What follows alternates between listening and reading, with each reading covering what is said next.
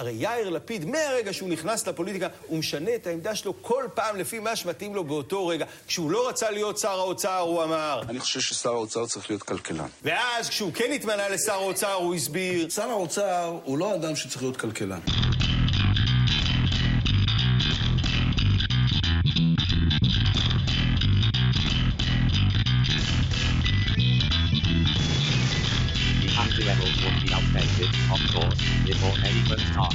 10 on the day. page. 260. Clearly regressed. Backward. Weight. Naive. Anachronistic. Maybe that'll be the point. Maybe that's why they need the next real level. Real level. As far as I can see, with disapproval. בוקר טוב, צהריים טובים, אחר צהריים טובים, ערב טוב, לילה טוב ולפנות בוקר נהדר לכם. אתם מאזינים למשדר רשת, לי קוראים ארז. משדר רשת, פודקאסט בענייני השעה, שזה מה שמעניין אותי בשעה שבה אני מדבר. חזרנו, היה, הייתה הפסקה קלה, להפסקה לא ארוכה, אני מקווה, או ארוכה מדי, כל אחד ואיך שהוא רואה את זה. חזרנו, חזרתי, ומה שאני רוצה לדבר עליו במשדר הנוכחי זה באופן, אני לא יודע אפילו איך להגיד את זה, אבל אני רוצה לדבר על יאיר לפיד. המטרה שלי במה שאני רוצה לדבר על יאיר לפיד, ואני אעשה הקדמון, הקדמונת, הקדמונת צ'יק, הרעיון שלי עם יאיר לפיד, וזה מתקשר למה שדיברתי במשדר הקודם, משדר 150, שאני רוצה כן להיכנס קצת יותר לכל הנושא של הפילוסופיה האישית שלי, ולדבר על פילוסופיית חיים, ולהציג קצת את כל הדברים האלה. ובעצם נשאלת השאלה, רגע, אדון ארז, מה לנו ולפילוסופיות? תעזוב אותנו מהפילוסופיות האלה, אומר המאזין ההיפותטי שלי. הרי עם פילוסופיה לא הולכים לקנות במכולת. זה משפט כזה של סבתות, אבל כן, עם פילוסופיה לא הולכים לקנות במכולת. ואני יכול לומר לעצמי, רגע, דווקא עם פילוסופיה כן הולכים לאכול במכולת. זה מזכיר לי שמישהו פעם אמר לי, ארז, יש לי רעיון נהדר, זה סיפור אמיתי, אני לא, לא, עוד פעם, זה לא קורה כל יומיים, אבל זה סיפור אמיתי, מישהו בא, בא ואמר לי, ארז, בוא, יש לי רעיון נהדר לסטארט-אפ. אמרתי לו, יופי, עושה לי יופי, בוא ניכנס שותפים. אמרתי לו, אני לא מוכן. שאל אותי, למה אתה לא מוכן? אמרתי לו, מסיבות אידיאולוגיות. עושה לי, איזה אידיאולוגיה? אמרתי לו, אני אוהב לאכול ארוחת בוקר, אני אוהב לקבל כסף, אני אוהב להרוויח, אני אוהב לשלם שכר דירה, זה הפילוסופיה האישית שלי. זאת זו האידיאולוגיה שלי שאני צריך להיות מוכן לשלם, אז זה נשמע אולי אידיוטי להגיד את זה, אבל זו באמת אידיאולוגיה, כי הרבה מהאנשים שבאים מהתפיסה הזאת של רק המעז מנצח, ואתה לא יכול, אם אתה רוצה להצליח בגדול, אתה חייב לסכן הכל, ורק מי שיהיה מוכן לשים את כל, הכל על קרן הצבי, או, או לשים באמת, להמר על כל הקופה, הוא רק זה שירוויח בגדול, וכל, זאת אידיאולוגיה. ועם האידיאולוגיה הזאת כן הולכים לשלם במכולת, או לא הולכים לשלם במכולת, תלוי באמת. כלומר, אני הולך לשלם במכולת עם האידיאולוגיה הזאת, כי אני לא הולך להיות, שות, להיכנס שותף עם מישהו בסטארט-אפ. ולעומת זאת, מישהו שכן הלך על האידיאולוגיה הזאת ולא הצליח, אז אין לו ממה לשלם במכולת. ודבר שלישי, מי שהלך והצליח, יש לו עם מה לשלם במכולת, וגם יש לו עם מה לשלם למי שילך ויעשה את הקניות בשבילו. כל הדברים האלה, הרעיון הוא שבסופו של דבר לאידיאולוגיה כן יש, אידיאולוגיה או פילוסופיית חיים, או בכלל פילוסופיה, יש כן משמעות שאפשר לפרוט אותה באמת לדברים שהם יומיומיים, שהם התנהלות, שהם עשייה. ולכן כשאני בא ואני מדבר לצורך העניין על סוציאליזם, כשאני מדבר על, אני יודע, אה, הוגנות בפייר פליי בפוליטיקה, כשאני מדבר על כל מיני דברים, אני אומר, יש לזה משמעות גם ביום-יום. יש לזה משמעות, כי הרי אני אמרתי שאחד הדברים, למשל, בזה ש, שנוצר uh, כיתוף בשיח הציבורי, העובדה שאני לא יכול להתווכח או לדון עם אף אחד על שום דבר, ושאני, מישהו אומר לי, שומע, ארז, קראתי בחדשות ואני כבר נעלמתי, ואני כבר לא בקומה. אני כבר עברתי עיר בשלב הזה, כי אני יודע לאן זה הולך. וזה נובע מהכיתוף בשיח. בציבור הישראלי, לא ב... כי כבר אי אפשר להתווכח עם אף אחד, אי אפשר לדבר על שום דבר. כל הדברים האלה נובעים מהרעיון הזה שיש פילוסופיית חיים. ופילוסופיית החיים מתבטאת בסוג של, נקרא לזה אידיאולוגיה אישית, בסוג של אני מאמין. אני אומר שאני חושב שצריך להיות, אה, דברים צריכים לזוז בצורה מסוימת, או שדברים צריכים לקרות בצורה מסוימת. אני חושב שלמשל, אה, אני, וזה אחד הדברים שאני מדבר עליהם, למשל שאומרים ש... אה, מדברים עכשיו לצורך העניין על המפגינים בבלפור, ואומרים, למה באים והמפגינים בבלפור מפיצים את הקורונה? אז המפגינים בבלפור אומרים, אנחנו לא מפיצים את הקורונה.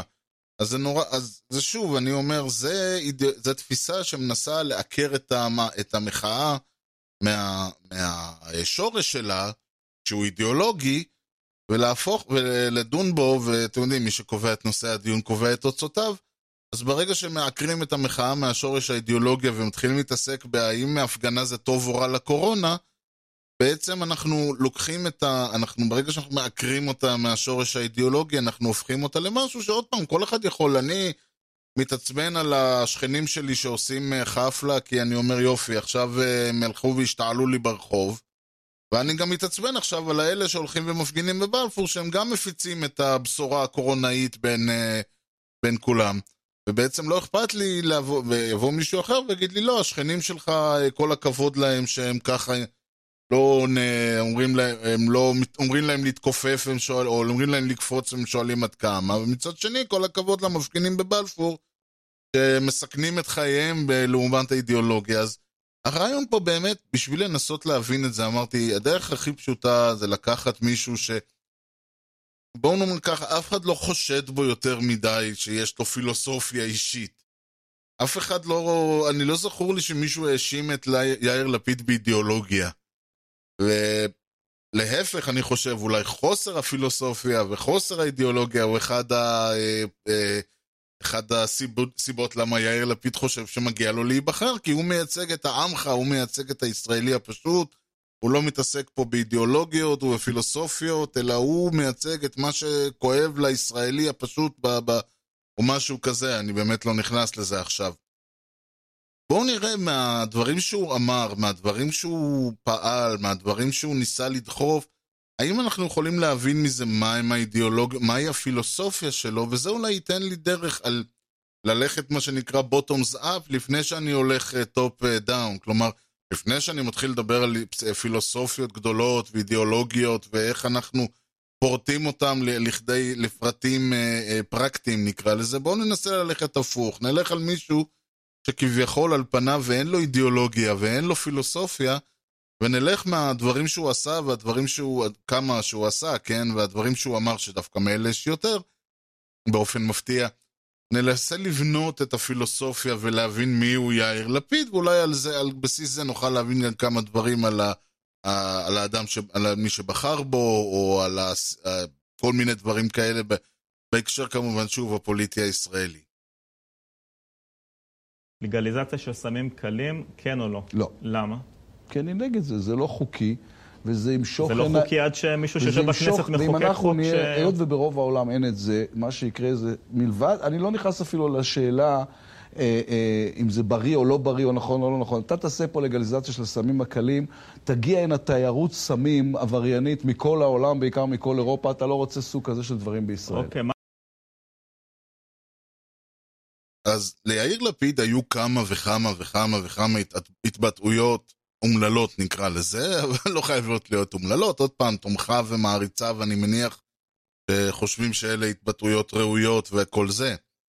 אז שמענו בדיוק את היציאה האומללה שלו, למה אתה נגד לגליזציה של סמים? כי זה לא חוקי. וזה דווקא מעניין.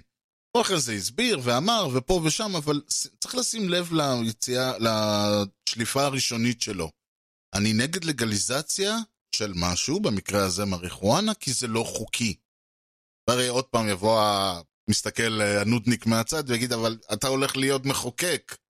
כל הרעיון הוא שאתה לא יכול להתנגד למה ש... כמחוקק אתה יכול לשנות את החוק.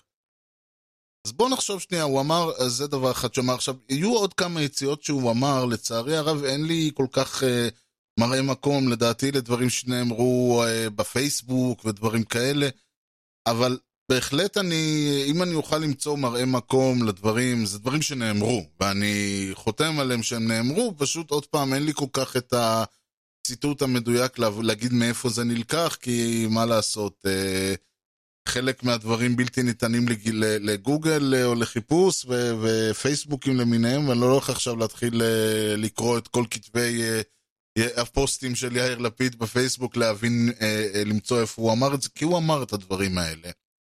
עוד דבר שהוא אמר זה שהוא תמיד, ולכן אני אומר, חבל שאין לי את הציטוט המדויק, אני לא זוכר בדיוק מה הוא אמר, אבל הוא אמר שהרעיון שלו היה שהוא תמיד מקבל את, את, את חוות הדעת או את דעת מערכת הביטחון. וזה היה גם כן יציאה שלו שאומרת מה הכוונה, לצורך העניין, האם אתה... חיסולים, סתם אני אומר, כן? האם אתה בעד או נגד אה, ל, ל, לחס, ל, לירות טיל על איזה בניין בידיעה שיש שם איזה מחבל, איזה ראש הג'יהאד האיסלאמי? אז הוא אמר, אם, אה, אני חושב שזה היה בהקשר הזה, אבל לא משנה, הוא אמר, אני תמיד מקבל את דעת מערכת הביטחון. אם אה, צה"ל אומר לי שזה מה שצריך לעשות, אני מקבל את דעתם. וזה גם מעניין, כי עוד פעם אנחנו אמרנו, שהבן אדם אומר, למה לא לגליזציה? לגליזציה כי זה לא חוקי. למה לא לחלוק על דעת, האם אתה מקבל את מה שצה"ל אומר, או שיש לך דעות משלך? אני תמיד מקבל את מה שצה"ל אומר. עוד דבר שהוא אמר, ושוב לצערי אין לי את הציטוט המדויק, אבל הוא אמר שלדעתו הבוחר, תפקידו של הבוחר מסתכם בלשים את הפתק בקלפי וזהו.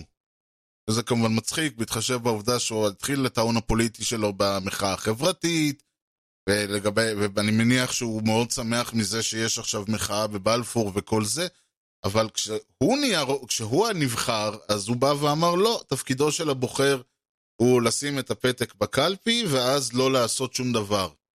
כלומר, נתתם לי את המנדט, עכשיו תשבו בשקט. וזה עוד פעם תפיסה מעניינת, כלומר, אם אמרנו דבר, ואני כל הזמן חוזר על זה כי זה נבנה אחד לשני. הוא נגד לגליזציה כי זה לא חוקי, כלומר הוא לא חושב שתפקידו של נבחר, של המחוקק הוא לשנות את החוקים. הוא לא חושב שתפקידו של אה, חבר הקבינט לצורך העניין לחלוק על דעת הצה"ל, הוא לא חושב שתפקידו של הבוחר להעמיד את מה ש... את, אה, לדרוש או, או, או להתעמת או למחות או להפעיל לחץ על הנבחרים שלו. זה גם מעניין, כי הרי כולנו יודעים שהבטחות אה, בחירות, בערב הבחירות הן כבר, לא, הן כבר לא שורדות. יום אחרי הבחירות מתחילים הדיונים הקואליציוניים, ומתחילים הדברים, ויש הרבה הבטחות שמלכתחילה היו מהפה והחוצה. כל הדברים האלה אנחנו יודעים, אז, אז אם אני נותן לך את המנדט ואתה הולך ועושה משהו שהוא לא היית אמור לעשות, לעשותו, איפה פה בדיוק ה... למה אני צריך עכשיו לשבת בצד ו... ולשתוק? למה אני צריך להיות יפה ולשתוק, מה שנקרא? כי אז הוא אומר, לא, בסדר, תעניש אותי בקלפי הבא, אבל בקלפי הבא עוד פעם, ויכול. מאוד להיות שאני... למה אני צריך לסבול ארבע שנים בשביל להעניש אותך, הנבחר, בעוד ארבע שנים? למה אני לא אבוא ואכפה את דעתי על, ה... על הנבחר תוך שנה או תוך uh, חודשיים? ואחסוך לעצמי שלוש-ארבע שנים של סבל. ואולי אם אנחנו נעשה את זה, אז יהיו בחירות אחת לארבע שנים ולא אחת לשל... לשלושה חודשים. אבל זה גם כן חלק מהתפיסה שלו. ועוד דבר שהוא אמר, אמר, וזה אה, לא בעיה למצוא, וגם יהיה לינק באתר, הוא אמר, אנחנו, אה, שהוא, אה, אני לא זוכר בדיוק באיזה סיטואציה זה הייתה, אמר יפה, אנחנו, שהוא לא יהיה מוכן לשבת בגוש, שהוא לא יהיה מוכן לשבת בגוש חוסם עם הזועביז. היה ממש הזועביז, כאילו איזה... אני לא יודע אפילו מה עבר לו בראש, אבל הוא אמר את זה, ויפה שהוא אמר את זה, זה שוב, יציאה מבורכת. ואני חושב ש... ותכף אני אגע למה הוא אמר את זה, אבל חשוב מאוד לראות, וזה אגב מתחבר קצת למה שקרה ב... ב... לא בבחירות האחרונות, אלא בבחירות לפניהן, שהיה סיכוי להקים בעצם ממשלה, ממשלת שמאל מרכז עם המפלגות הערביות, וכמובן שלא הוא ולא גנץ ובטח לא ליברמן חשבו, לרגע אחד חשבו לשבת עם, עם טוב, היום זה כבר לא הזועביז, היום זה כבר אה, אה, אה, הם או משהו כזה, אבל, אה, אבל הוא לא היה מוכן לשבת איתם. ועוד דבר, אגב, יש אה, יציאה, יציאה נהדרת, היה פעם חידון, מי אמר את זה, יאיר לפיד או איקאה. שתבינו עם איזה, עם איזה מגדלור של אידיאולוגיה אנחנו מתעסקים פה. היה, לקחו ציטוטים של יאיר לפיד וציטוטים של איקאה, והיה חידון מי אמר את זה, ואני מודה ומתוודה, אני הוצאתי ארבע מעשר. כלומר, אני... זה היה ברמה של הימור, לא היה לי מושג מי מהם אמר את זה, אבל זה, זאת רמת ה... כלומר, האידיאולוגיה של יאיר לפיד היא לא אידיאולוגיה של, אה, אתם יודעים, רהיט עשוי, רהיט איכותי, הוא באידיאולוגיה שלו היא באידיאולוגיה ברמה של איקאה. זה עוד רק נראה יפה, כן? זה רק נראה יפה, הרכיבו את זה בבית, זה עשוי מכל מיני uh, דברים שבה... כל מיני אבקת עץ שהדביקו אותה. זה יאיר, זהו יאיר לפיד. ואז אחד הציטוטים שהוא אמר, שאנחנו צריכים להחזיר לשולחן את האדיבות, הנדיבות, לחזור לדבר יפה. בואו נסתכל שנייה, מה, מה אנחנו רואים, מה משתקף מכל הדברים? אני חושב שאפשר לסכם את זה במילה אחת, קונצנזוס. יאיר לפיד רואה בקונצנזוס שעוד פעם, מה שלא חוקי, לא עושים, מה שהוא לא חוקי, לא עושים לגליזציה שלו. צה"ל, מה שהוא אומר זה נכון. אם הערבים לא יושבים, תפקידו של הבוחר להצביע ולא לעשות שום דבר אחר. אין מקום לריב, אין מקום להתווכח, אין מקום לדפוק על שולחנות, אין מקום לצאת למחאה, אין מקום לשרוף uh, צמתים. לא, אנחנו צריכים לדבר יפה. צריכים להחזיר לשולחן את האדיבות והנדיבות. יאיר לפיד מאמין שהקונסנזוס הוא נכון. יאיר לפיד יותר מזה חושב, טוען שאין מקום לאתגר את הקונצנזוס. ולמה הכוונה בקונצנזוס? למשל, אה, נסיעה, אה, תחבורה ציבורית בשבת. כולם יודעים שאין תחבורה ציבורית בשבת, כי כשהוקמה מדינת ישראל לצורך העניין, זה נקבע כקונצנזוס. לא משנה, היה לפני, לא היה לפני, בחיפה היה לפני, אז נשאר כל הסיפורים האלה. תחבורה ציבורית ובכלל עסקים וכל זה לא היו פתוחים בשבת, וזה נקבע כקונצנזוס. אסור להציג אה, אה, חמץ בפסח, זה נקבע כקונצנזוס. כל הדברים ש, שאנחנו פועלים לפיהם, חוק גיוס חובה, זה קונצנזוס. שצריך ללמד תנ"ך, ואני בכוונה חוזר כל הזמן לדעת, כי זה, כשמדברים על הקונצנזוס, בדרך כלל מתכוונים לכל הנושא של אי הפרדת דת ומדינה. אבל כל הדברים האלה, שמלמדים תנ"ך בבית ספר, שלא מלמדים בכלל, תושבע וכל זה, ו- ותפילות ומה שזה לא יהיה, שבכלל אין הפרדת דת ומדינה, כל זה נתפס כקונצנזוס. אבל זה לא רק זה, עוד פעם, דיברנו על חוק גיוס חובה וצה"ל. צה"ל הוא קונצנזוס. לא, אה, אי אפשר ל- ל- להעמיד את צה"ל בסימן שאלה, הפעולות של צה"ל הן תמיד נכונות. חלק מהטענות נגד ההתנתקות היה שבעצם באו ואמרו שהוציאו את צה"ל מהקונצנזוס. וכל הדברים האלה. הדברים שיאיר לפיד רואה בעצם בקונצנזוס את תמצית הווייתנו פה. המטרה שלנו היא לא לשנות, היא לא לשפר, היא לא להרע, היא לא כלום, היא לשמר. במובן הזה זה מצחיק אגב, שהוא השמ... שבמובן הזה יאיר לפיד הוא שמרן במובן האמיתי של המילה, לא במובן איילת שקדי, שיכול להיות שבגלל זה הם מאוד אוהבים אחד את השני, אבל לא במובן איילת שקדי, נפתלי בנטי של המילה, אלא באמת במובן של לשמר, לשמרן את, ה... את העולם הישן, לשמר. הוא רואה את העולם כמו שהיה פעם כמשהו חיובי. אנשים לא שאלו שאלות. אנשים לא התווכחו, עשו מה שאמרו להם, כולם שירתו בצבא. השירות בצבא היה ערך. אנשים שילמו, תמה, שילמו מיסים ולא אמרו ולא דרשו שום דבר בהתאם. הממשלה קיבלה החלטות והודיעה עליהם. אמרו לאנשים מהיום עושים ככה, כולם עשו ככה. אמרו להם לא עושים ככה, כולם לא עשו ככה. זה הקונצנזוס. עכשיו, הקונצנזוס הוא כמובן כשמו כן, הוא, הוא מין, זה עוד פעם, זה לא להקיא ולא לבלוע, זה לא בשר ולא חלב, זה לא טוב ולא רע, זה פשרתי כזה, אף אחד לא מרוויח ממנו. תלכו לבית אה, דתי, אה, דתי חרדי, כלומר דתי ומעלה, לא מסורתי, תראו שאצלהם שום, הש, המנהגים והדברים הם הרבה יותר חמורים ומחמירים ממה שבקונצנזוס. תלכו לבית חילוני מן הסתם לכיוון ההפוך. אבל, ולכן הבעיה היא שברגע הזה, ברגע שיש קונצנזוס שכולם שומרים כשרות, אז זה רק הולך ומחמיר, זה רק הולך ונהיה קיצוני יותר. עכשיו אתה צריך להיות בית uh, זה, ובד"ץ, ובית יוסף, וכל הדברים האלה. ברגע שיש uh, ששירות בצה"ל הוא ערך, אז כולם צריכים לשרת בצה"ל. ברגע שיש לנו, אני יודע, אין מקום להפריט את הביטוח הלאומי, לפרק את הביטוח הלאומי, או, או כל מיני דברים כאלה, באותו רגע כל מה שיכול להיות ל- ל- לשנות, אתה אומר, יש פרדיגמ, פרדיגמות מסוימות שאנחנו פועלים, אולי, אתם יודעים, נבעט בה ונראה אם הבניין עדיין עומד.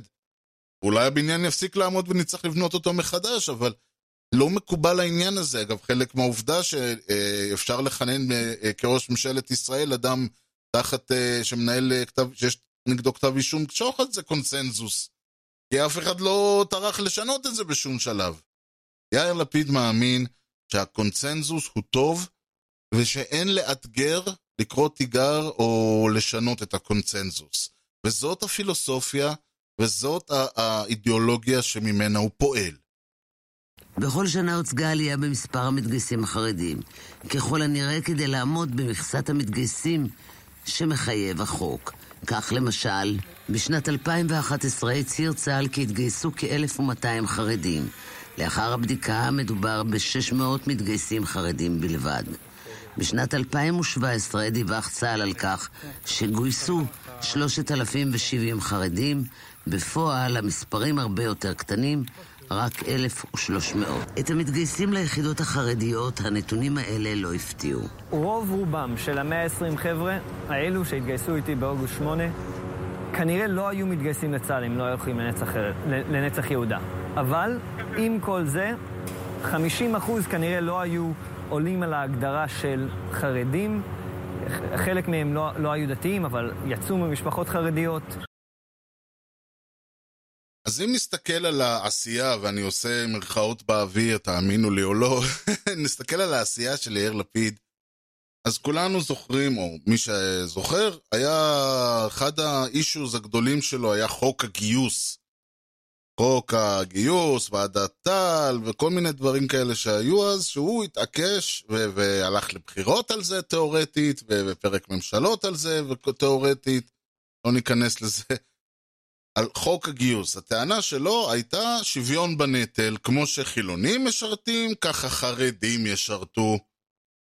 למה יש לזה הסברים מפה ועד הודעה חדשה כמובן? כי זה יעודד השתלבות של חרדים בחברה, זה יוציא אותם מהמסלול הזה, ש... כי תורתם אומנותם מעודד אותם להישאר אה, צמיתים של הישיבות, ולא, לה... ולא להיכנס לשוק העבודה, ואנחנו וכו' וכו', אבל זה לא הפואנטה. מכיוון שאם בינינו, אם מישהו רוצה שחרדים, לנתק את החרדים ממעגל הישיבות וממה, ולהכניס אותם לשוק העבודה, זה נורא פשוט. תבטלו את הסדר תורתם אומנותם, לא צריך לגייס. אה, לצה"ל, אגב, אין מה לעשות עם האנשים האלה, בואו נתחיל ונאמר, כן? זה לא שיש לצה"ל מה לעשות עם חרדים, להפך. חרדים לא מגויסים, זה הדבר האחרון שצה"ל צריך. זה, זה נטל. חרדי מגויס הוא לא משוויון בנטל, אלא הוא הנטל. צריך להיות, אה, צריך ל... ל, ל אי אפשר לתת להם את מה שנותנים לכולם, כי עוד פעם, הנהלים והכשרות והדברים בצה"ל הם לפי הקונצנזוס. חרדים הם לא בקונצנזוס.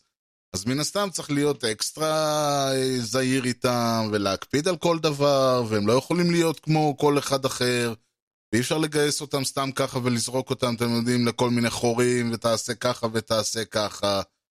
וכל הדברים האלה, אז כל ההתעסקות עם חרדים היא באמת נטל, ולכן לצה"ל יש יותר אינטרס שלא לגייס את החרדים.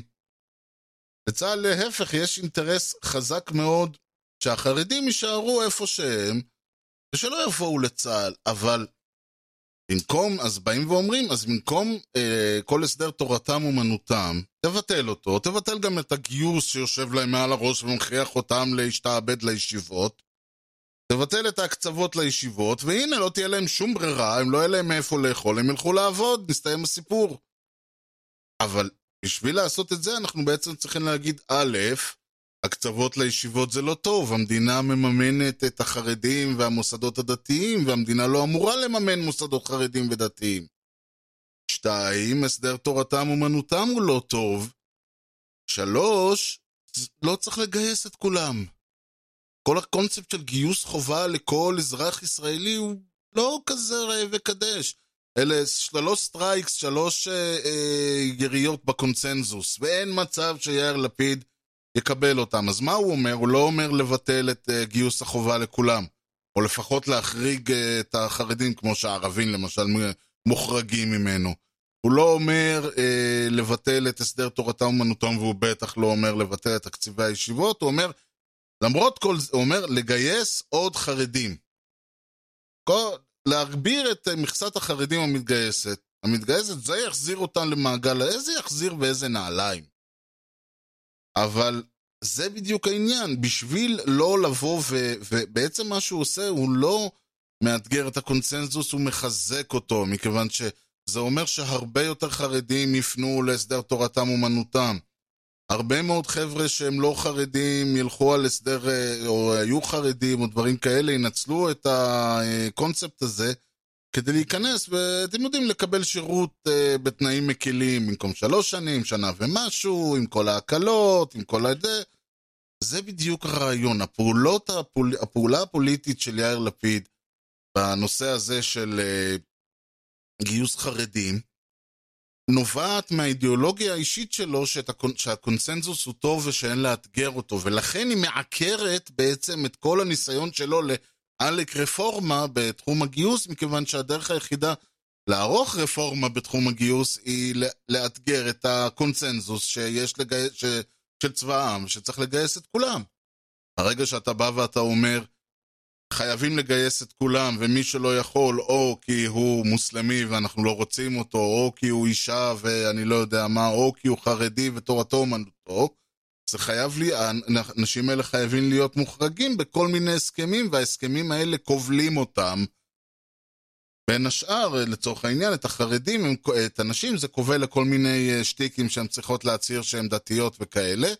ואת החרדים זה כובל לישיבות שהן האמונות, הן היחידות שהממשלה אישרה להם להגיד לצה"ל, לא, הבן אדם הזה לומד אצלי, ואם אתה תעיז לא, אה, אה, אם אתה תגיד, לא, אני רוצה להיות, אה, לא לשרת, אבל אני לא רוצה ללכת לישיבה, אז אין אופציה כזאת, אדוני. ובאותו רגע שיאיר לפיד מחזק את הקונצנזוס, הוא נותן, הוא עושה פה נזק הרבה יותר גדול להשתלבות של חרדים בחברה, מכיוון שעוד פעם, הקונצנזוס נקבע במטרה שהחרדים לא יושלבו בחברה, אני לא יודע למה, אבל שוב, אני, יש לזה, אני אומר, אני לא יודע למה, כי יש לזה, לא יודע למה בהקשר הזה, אבל יש לזה סיבות היסטוריות ודברים כאלה, וזה כמובן מוביל לעובדה שהחברה החרדית עברה קיצון מאוד רציני. ברגע שאתה נמצא בתוך חברה שהיא הופכת מודרנית ויותר ויותר ומערבית ודברים כאלה, אז שוב, חייבים להקצין, חייבים להחמיר, חייבים להתבדל, ואחד הדברים, עכשיו, אם הייתה השתלבות של חרדים בחברה, זה לא היה עוזר לאף אחד, זה לא, עוד פעם, אי אפשר, אה, בני ברק לא יכולים לחיות בתא סגור, בגטו סגור, ב, ב, כמו באירופה של המאה ה-18. זה הסיבה שברוב המדינות בעולם, הדתיים הם לא חרדים כמו בארץ. אה, יש קהיליות קטנטנות שהן חרדיות, אה, נסתכל, ויש כמובן, אה, כמובן במקומות שהם פשוט המספרים שלהם מספיק גדולים, כמו אני יודע מה בברוקלין או דברים כאלה, אבל ברוב הזה היהודים הם אה, רפורמים ומטה, קונסרבטיבים, רפורמים, חילוניים וכיוצא בזה. כי, כי אי אפשר, אתה לא יכול לחיות בגטו סגור, אני יודע, לגדל את הפרה שלך, למכור את זה לשוחט, כל הדברים האלה. בישראל, בשביל לשמר את ה... ושוב, יש פה שמרנות מאוד מוזרה של יאיר לפיד, כדי לשמר את החברה החרדית כחברה בדלנית, חייבים לכלוא אותה בגטאות פיקטיביים, שיאפ... ולממן אותם בכספי שאר הציבור, כדי לקיים אותם. כי אם הציבור לא יממן אותם, הם לא יוכלו להתקיים, אין להם זכות קיום עצמאית.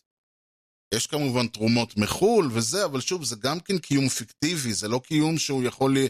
שהוא בא עוד פעם כמו איזשהו קיבוץ, כמו איזושהי עיירה יהודית שחיה מה, מהאוכל של עצמה ומהשירותים שהיא העניקה לסובבים, וטוביה החולב וכל זה. כל הדברים האלה לא יקרו ב... ב, ב אני לא יודע, לא יכולים לקרות בבני ברק או במאה שערים אם החברה לא תממן אותם. והפיקציה הזאת מחוזקת על ידי הקונצנזוס, והקונצנזוס מחוזק על ידי יאיר לפיד. אנחנו הולכים לאופוזיציה בראש מורם. יש עתיד לא תוכל לשבת בממשלה שבה כבר עכשיו מעבירים כסף של מעמד הביניים, כסף שעבד קשה בשבילו, לקבוצות אינטרסים ולמפלגות ולאנשים שלא רוצים לעבוד, במקום לבריאות ולחינוך ולרווחה. אנחנו לא יכולים לשבת בממשלה שכבר עכשיו אה, מבטיחה את הביטול של השוויון בנטל ואת הביטול של אה, הקטנת הממשלה ל-18 שרים. אני רוצה לפנות מפה לידידי משה כחלון, שר האוצר המיועד. קודם כל, כמובן, אני מאחל לך בהצלחה. אני משאיר בידך משק וכלכלה במצב שהוא לאין ארוך יותר טוב ממה שאני קיבלתי לידיי לפני שנתיים, אבל יש לך עדיין הרבה עבודה. בהמשך לכל האי עשייה של יאיר לפיד, הוא גם היה שר אוצר לאיזה תקופה, שנה ומשהו, שנה וחצי, שנה ושמונה, שנה ועשר. לא זוכר, הוא היה שר אוצר פעם, היה... זו הייתה אחת הבדיחות היותר עצובות של מדינת ישראל, אבל הוא היה שר אוצר. מה הוא עשה בתור שר אוצר במדינת ישראל? הוא ניסה לפתור את בעיית הדיור. כמו שכולנו יודעים, יש בעיית דיור בישראל. זוג היום, זוג צעיר, או בכלל, גם, גם, גם לא זוג, גם לא צעיר, אבל בכלל, לא יכול לרכוש דירה במדינת ישראל. אה, בלי, אה, בלי משכנתה ששוויה משהו כמו 150 משכורות חודשיות שלו. כלומר, ותעשו חישוב, זה אומר שהבן הזוג הזה צריך לשעבד את אה, כל עתידו הכלכלי על הדירה הזאת כדי להחזיר, ה... להחזיר אותה. בעוד שאם נסתכל עוד פעם על מה שהיה לפני 20 ו-30 ו-40 ו-50 שנה, אז זוג, ואני לצורך העניין, זוג ההורים שלי יכלו לרכוש דירה במשכנתה מאוד נמוכה ולהחזיר אותה אפילו מאוד מהר. ודירה חדשה, לא תגידו, וזה לא שהם היו משועי החברה, והם עשו את זה בכספם שלהם, ומסתגש ממש טבלאות שמראות את ההפרשים. אז איך פותרים את הבעיה הזאת? קודם כל צריך לשאול את עצמנו האם הקונצנזוס שאדם צריך לרכוש דירה הוא בכלל נכון. האם יש מקום, הרי מה זה זוג שרוצים, איפה הם רוצים לרכוש את הדירה? מן הסתם באיזה תל אביב. או באיזה עיר אה, מודרנית או משהו כזה. האם יש מקום אולי ל... ל... אולי עדיף. שישכרו דירה במרכז, או שיקנו דירה באיזה מושב? האם הדירה חייבת לי... האם בכלל יש צורך, כמו שאמרתי, בקונצנזוס הזה שחייבים לקנות דירה, לקנות רכוש? אולי יש מקום שהדירות יוחקרו או יושכרו, או שיהיה איזה שאני יודע מה, משהו יותר, שהממשלה ת, תפתח דברים ואנשים אה, ישכרו איזושהי דירה מהממשלה, סתם אני זורק, כן? ברמה שזה יהיה כמו הדירה שלהם, אבל אה, זה, הם לא יצטר... הם יוכלו, אתם יודעים, לשפץ אותה ולשבור אותה ולזה ולעשות ופה ושם, פשוט לא במובן שהם יצטרכו לשלם עליה מיליונים. וכל הדברים האלה גם, ועוד פעם, אולי אה, צריך לעודד, אה, הרי כל הרעיון הוא שאני יכול להגיד, בסדר, אני יכול לקנות דירה בקריית שמונה, מאיפה אני אממן אותה בדיוק עם העבודה שלי בתל אביב? יש פה עוד בעיה, שחלק מהסיבה שאנשים, אה, שהמחיר של הדירות עולות, הוא שהביקוש נורא גבוה. למה הביקוש נורא גבוה? כי אתה יכול לגור בעפולה או במטולה, אבל בהצלחה לעבוד שם. אם אני רוצה לה... אם אני רוצה לעבוד במקצוע שלי, אז אני צריך או לעבוד מהבית, ואז אני יכול גם לגור באילת, או שאני צריך לעבוד במרכז, ואז אני צריך להיות קרוב למרכז, כי מה, אני עכשיו כל יום אני אסע 4-5 שעות בהלוך כל כיוון? כל מיני דברים שיש להם, הם הרבה יותר, הרפורמה צריכה להיות הרבה יותר מהותית, היא צריכה להיות ברמת הקבלנים, היא צריכה להיות התערבות במחירי הדירות, יש אגב טענה שאסור, לה... להפך, צריך לא להתערב בדברים, צריך אולי שיהיה רגולציה יותר על האיכות ויותר על זה, כדי שהקבלנים עצמם ייתקעו עם דירות והמחירים ירדו. זה אולי פתרון לטווח ארוך יותר, אולי באמת בטווח הקצר אין פתרון. אולי צריך אה, לשנות אה, הרבה מאוד אלמנטים, אולי צריך, כמו שאמרנו, על כל דירה, על כל משרד, שלוש דירות להשכרה, אה, למכירה, ועל כל דירה למכירה, חמש דירות להשכרה, אני לא יודע. יש כל מיני דבר, יש כל מיני פתרונות מהארץ ומהעולם, ויש, אני מניח שכלכלנים וזה, כל הבעיה בפתרונות האלה שהם מצריכים רפורמה, ורפורמה מטבעה זה עוד פעם, זה לא לקחת את המצב הנוכחי ולשבור אותו, לפרק אותו, להרוס אותו, לעקר אותו מהשורש, לחתוך, כי רפורמה אומרת שהנחות הבסיס שמניעות, הרי שאומרים, שאומרים לצורך העניין שעושים רפורמה בשוק הדלק, אז זה לא באים לכל, ל, ל, לשתי החברות הקיימות בדלק ואומרים להם, טוב, תהיו נחמדות ותורידו מחירים. לא, אומרים, ההנחה ששתי חברות יכולות לממן שוק תחרות, יכולות לקיים שוק תחרותי שמיטיב עם הלקוח, היא לא נכונה, נכניס עוד ארבע. זה רפורמה. ובשביל לבצע רפורמה חייבים לקחת את העקרונות שעל בסיסם פועל השוק הקיים, ולשבור אותם, ולשנות אותם, ולהכריח את השוק גם להשתנות. זה הרעיון שהרפורמה גם חייבת לבוא מלמעלה, וחייבים להגיד להם, אתה תשתנה או שאנחנו נשנה אותך. אתה תעשה מה שאנחנו אומרים, או שאנחנו נגיד לך.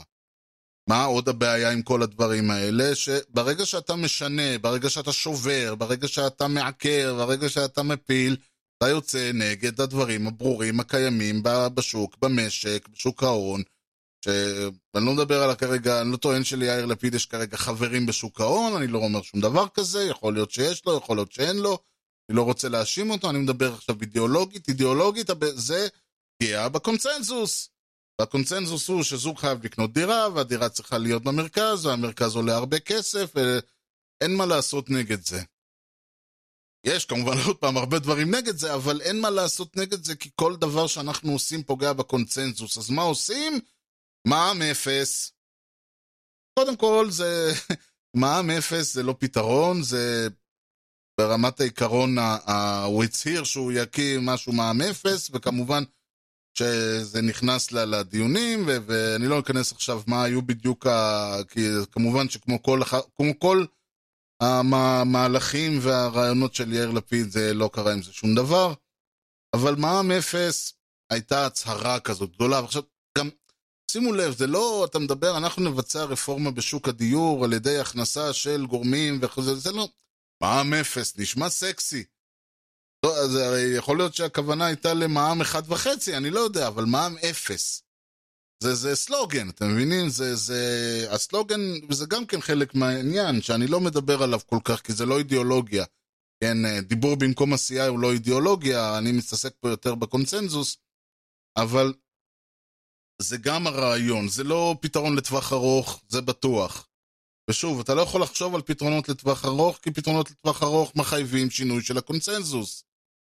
אז באיזשהו פלסטר לחצי שנה הקרובה, משהו שאפשר יהיה להראות בסקרים בבחירות הקרובות, הנה עשינו על הורדה של איקס אחוז במחירי הדירות למשך החצי שנה האחרונה, זה משהו שאתה יכול ללכת איתו לבחירות, זה לא משנה את הקונצנזוס, וחצי דקה אחרי זה השוק מיישר את עצמו, מה שנקרא. אגב, הטענה היא שמע"מ אפס לא רק שלא יוריד את מחירי הדירות, אלא יעלה אותם.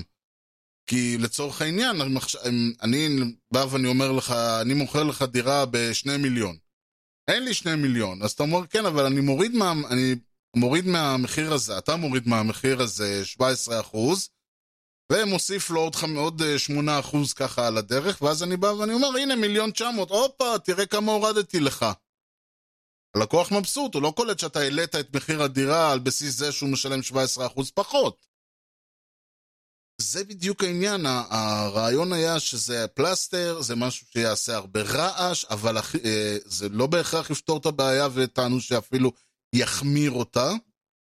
אבל הכי טוב בכל הסיפור הזה, זה שמע"מ אפס משמר את הקונצנזוס. זה, כולם רוצים דירה, כולם רוצים אותה בזה, כולם רוצים אותה במרכז, כולם רוצים את הכל א', ב' וג' וד', אז אנחנו נחליק להם קצת את התרופה בגרון עם איזה כפית דבש. במקום לשאול האם הם באמת צריכים תרופה, האם זה באמת בריא להם, האם זה באמת נכון. יאיר לפיד, האידיאולוגיה שלו הניעה את ה... את הפעולות שהוא לא עשה, אבל לא משנה. ובמובן הזה, מע"מ אפס הייתה דוגמה קלאסית. אגב, בכלל העשייה, השימור של הקונצנזוס והעשייה והאמירה על חשבון עשייה, היא אחת הבעיות למה אני חוזרות ונשנות, בכל ה... דיברתי על בחירות, קראתי ואמרתי, לא משנה לי למי תצביעו, רק אל תצביעו לא לכחול לבן ולא ליש עתיד ולא לפני זה היה חוסן לישראל. אל תצביעו למפלגות, כולנו, אל תצביעו למפלגות אווירה האלה, כיוון שזה בדיוק מה שהן הולכות לעשות. הן הולכות, לב... הולכת להיות, הן הולכות להתעסק אך ורק באמירה על חשבון עשייה, ובמקרה של יאיר לפיד הן גם הולכות לקדש את הקונצנזוס על חשבון שינוי אמיתי, על חשבון רפורמה אמיתית בחיים שלנו. אה, חברנו, חבר הכנסת עופר שלח, העלה בשבוע שעבר הצעה לקיום פריימריז פתוחים ביש עתיד, הקים, הציג לתקשורת את עמדתו בנושא. ההצעה של עופר לא באה בחלל ריק. תהיה התמודדות, אני מברך עליה, הגיע זמנה, אבל אנחנו נעשה הכל בלי לחץ, אף אחד לא מציב לי אולטימטומים. אני לא אתן לתופעות שהרסו מפלגות כמו העבודה, כמו קדימה, להרוס גם את יש עתיד. עוד אחת מהתפיסות היאיר לפידיות, נקרא לזה, היא שהוא נגד פוליטיקה. זה משהו שאגב, זה לא סתם, למשל מי שזוכר את המחאה החברתית, כל הזמן היה דיבור על זה שזאת לא מחאה חברתית, אלא זאת מחאה פוליטית, שמאל, סוציאליזם, כל הדברים האלה. הנה תראו לאן הלכו אה, סתיו שפיר ואיציק שמולי וכל אלה, הם הלכו לעבודה, הם הלכו לשמאל, הם שמאלנים, זו הייתה מחאה שמאלנית. זו מחאה של, ה, של השמאל נגד הימין, אותו דבר קורה עכשיו, זאת לא מחאה, זאת לא מחאה של של שלטון החוק או של דברים כאלה, אלא זה שמאל, שמאל אנרכיסטי עוד נוסף לכל הצרות. הפחד שלו, ועוד פעם, גם התפיסה, הקונצנזוס שלו, כי הקונצנזוס הוא לא פוליטי, הקונצנזוס של כולנו, ימין, שמאל, מזרח, מערב, כולנו בקונצנזוס. אתה יכול להיות שמאלני אה, בוגד, אבל אתה עושה קידוש בשישי. אתה יכול להיות ימני, אה, אני לא יודע מה, מחבל, אבל גם אתה אוהב את צה"ל. אתם יודעים, אה, אה, מתנחל שזורק אבנים על צה"ל, זה גם בימין וגם בשמאל לא אוהבים. גם שמאל ששומר שבת, זה, זה, אתם יודעים, כל הדברים האלה זה קונצנזוס. אתה יכול, כולם, בקונצנזוס אגב שונאים חרדים, זה הסיבה שהוא רוכב על הדגל הזה. וזה הקונצנזוס ימין-שמאל, כולם שונאים חרדים, זה דבר ידוע. אז לכן התפיסה שלו היא תמיד הייתה אנטי-פוליטית. עכשיו, מה זה אנטי-פוליטי? מה, מה, מה זה פוליטי? אידיאולוגיה זה פוליטי. פתרון אה, מדיני ב, ל, לבעיה הפלסטינית זה פוליטי. פתרון לבעיות הכלכליות זה פוליטי. פתרון לבעיות החברתיות זה פוליטי. הפרדת דת ומדינה זה פוליטי. שינוי סדרי ערכים במדינת ישראל זה פוליטי. הקטנת, הצנטר... הקטנת הריכוזיות במשק, זה פוליטי, שינוי המיסוי, זה פוליטי, אני יודע מה, העדפת שירותי רווחה או ביטול שירותי רווחה, זה פוליטי. כלומר, ברגע שאתה אנטי פוליטי, מה אתה עושה בכנסת, אדוני? בכלל, כל פעם, כל פעם שמישהו בא ואומר משהו לא טוב במדינה הזאת, זה פוליטי. אם אני בא ואני אומר, אה, יש לי טלוויזיה בכבלים סלש לוויין ואני לא מקבל מהם את מה שאני רוצה, אז זה גם כן טענה פוליטית. למה רק יש אותה? למה אין עוד תחרות? למה נתנו להם את זה? האם זה גם... האם יש מקום לצנטרליזם של שתי חברות? האם יש מקום לפתוח את זה לתחרות? האם זה בכלל צריך לבוא מהמדינה? האם אה, המדינה צריכה או לא צריכה להתערב בדברים האלה? הכל פוליטי. ברגע שאתה לא פוליטי, אין לך שום אמירה, אין לך שום עשייה. כל הרעיון הזה, למה הוא היה אצל uh, uh, ביבי שר אוצר, ולמה הוא אחרי זה עזב ולא היה אצל ביבי שר אוצר? למה הוא הצטרף לממשלה ולמה הוא פירק את הממשלה? למה הוא התאחד עם כחול לבן? עצם זה שהוא יכול להתאחד עם חוסן לישראל והקים את כחול לבן ועזב אותם אחרי זה. עצם זה שאין לו אג'נדה פוליטית, אומר שהוא יכול להתאחד עם מי שהוא רוצה ולהתפרק ממי שהוא רוצה. הוא יכול להיות uh, היום אצל uh, ביבי ומחר להיות נגד ביבי, הוא יכול להיות היום חבר של דרעי ומחר אנטי דרעי, כי אין לו שום אג'נדה פוליטית.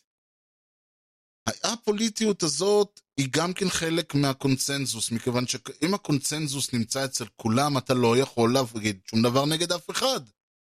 אתה לא יכול לבוא ולהגיד אני בעד פתרון שתי המדינות, כי זה יוצא נגד כל מי שבקונצנזוס בצד אחד, והרי הקונצנזוס הוא שאין מקום לפתרון שתי המדינות. אתה לא יכול להגיד שאתה בעד סיפוח, כי אין, או נגד סיפוח, כי זה בקונצנזוס. אתה לא יכול להגיד שאתה בעד החזרת רמת הגולן, אתה לא יכול להגיד שאתה בעד פינוי אריאל, אתה לא יכול להגיד, כלומר, אתה לא יכול להגיד שאתה בעד uh, פינוי השטחים כי זה, אומר, כי זה כולל את אריאל, אתה לא יכול להגיד שאתה בעד uh, אריאל כי זה, ימ, כי זה ימני, כי אז אתה בעד התנחלויות.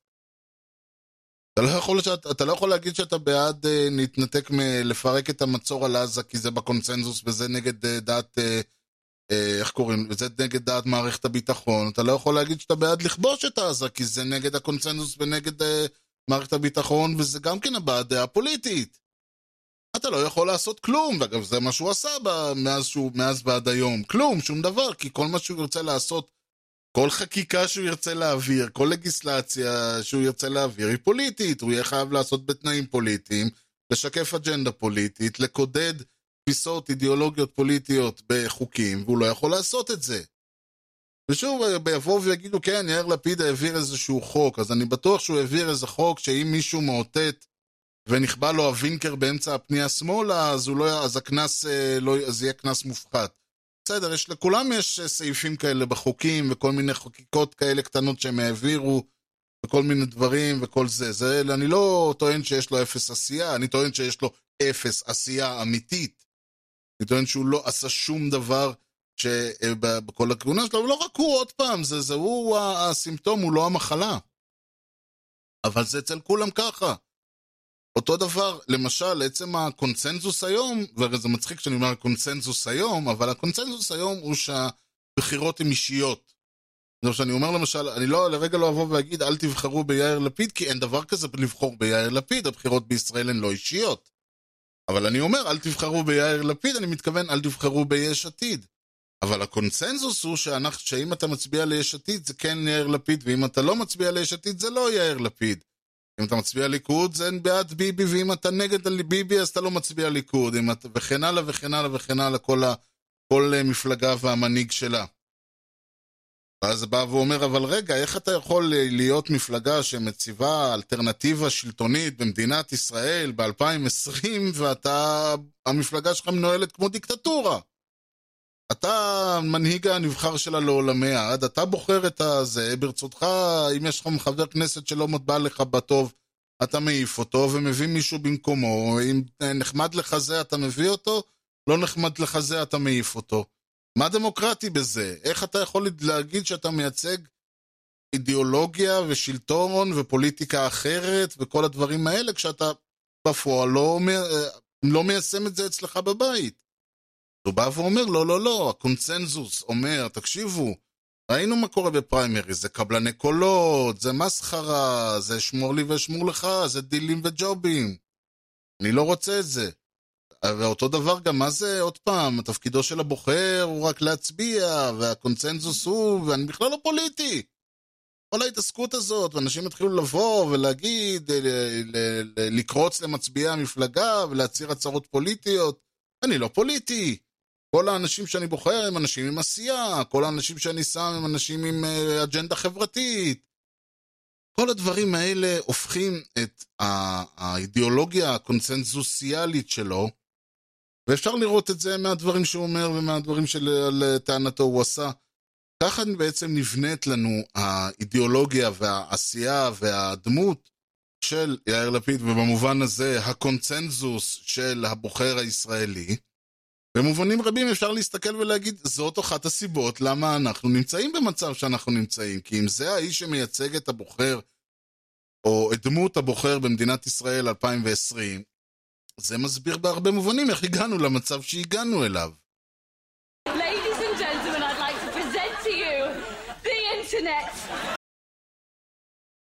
ובאווירה אופטימית זו, עד כאן משדרנו להפעם. אני בהחלט רוצה להודות לכם על שהאזנתם, אני מקווה שנשארתם אה, נאמנים ואיתי למרות הפסק זמן שהיה. אני אגב, אה, סיבות פרוזאיות לחלוטין, היה חם בצורה מטורפת ופשוט לא יכולתי אה, לשים את האוזניות ליותר מרבע שעה. אה, אני מודה ומתוודה, זה פשוט היה בלתי נסבל מבחינתי, אז אמרתי, אתם יודעים מה? בואו נעשה את זה רשמי, נעשה, נכריז על חופש, נעשה קצת סידור, קצת בדק בית, נכין קצת משדרים, נעבוד קצת על מה אני רוצה להגיד, ונחזור בכוחות מחודשים. וכמובן שה, שהסגר החדש לא, לא מזיק, יש יותר זמן בבית, אפשר לעשות דברים. אז אה, כן, חזרנו וגדול, חזרתי, חזרנו, חזרנה, ואני אה, שמח לכל מי שהייתי, וכל מי שהאזין, וכל מי שרוצה להאזין. כמו שאמרתי, המשדרים הבאים ימשיכו לעסוק במה שמעניין אותי בשעה שבה אני מדבר, אבל כן אני ארצה לדבר קצת יותר על הרעיונות הגדולים שמאחורי הדברים הקטנים שאנחנו עושים, והדרכים שבהם הרעיונות הגדולים האלה מתפרשים. אני לא יודע עוד לאן זה הולך, יש לי כל מיני רעיונות, כמו שאתם יודעים, ניכנס לזה כשניכנס לזה. בכל מקרה, אם למישהו יש רעיונות, שאלות, טענות, בעיות, מענות, על מה אתה מדבר, לא יפה, כן יפה, מה זה, למה זה, איך אתה מעיז, יאיר לפיד הוא המשיח, אני לא יודע מה. אני יותר מאשמח אם תיצרו איתי קשר, האימייל שלי הוא ארז שטרודל משדר רשת נקודה co.il, ארז E-R-E-Z, משדר רשת כותבים כמו ששומעים. משדר רשת uh, co.il זה גם האתר, אפשר למצוא שם את כל משדרי העבר, את כל משדרי העתיד לכשיהיו. כמובן כל הלינקים וההערות וההרחבות וכל הדברים האלה נמצאים שם. בנוסף לזה אפשר למצוא את uh, משדר רשת גם להירשם למשדר רשת גם דרך ה-RSS, אפשר להאזין דרך האתר, אפשר לעשות איזה דרך אפל, אני צריך לרענן קצת את הרשימה הזאת, אבל בגדול היא עדיין Apple Podcast, ב-Spotify, Stitcher ו-RadioPublic, וכמובן בערוץ היוטיוב של משדר רשת, שאני לא אתן את הלינק שלו כי הוא ארוך ומגעיל. אפשר להמשיך את השיחה גם בטוויטר, twitter.com/ארז, ובפייסבוק, facebook.com/משדר רשת. וזהו, שוב, עד כאן להפעם, אני בהחלט רוצה להודות לכם על שהאזנתם. עד הפעם הבאה, אני הייתי ארז, שיהיה לכם המשך יום נהדר. ולהתראות.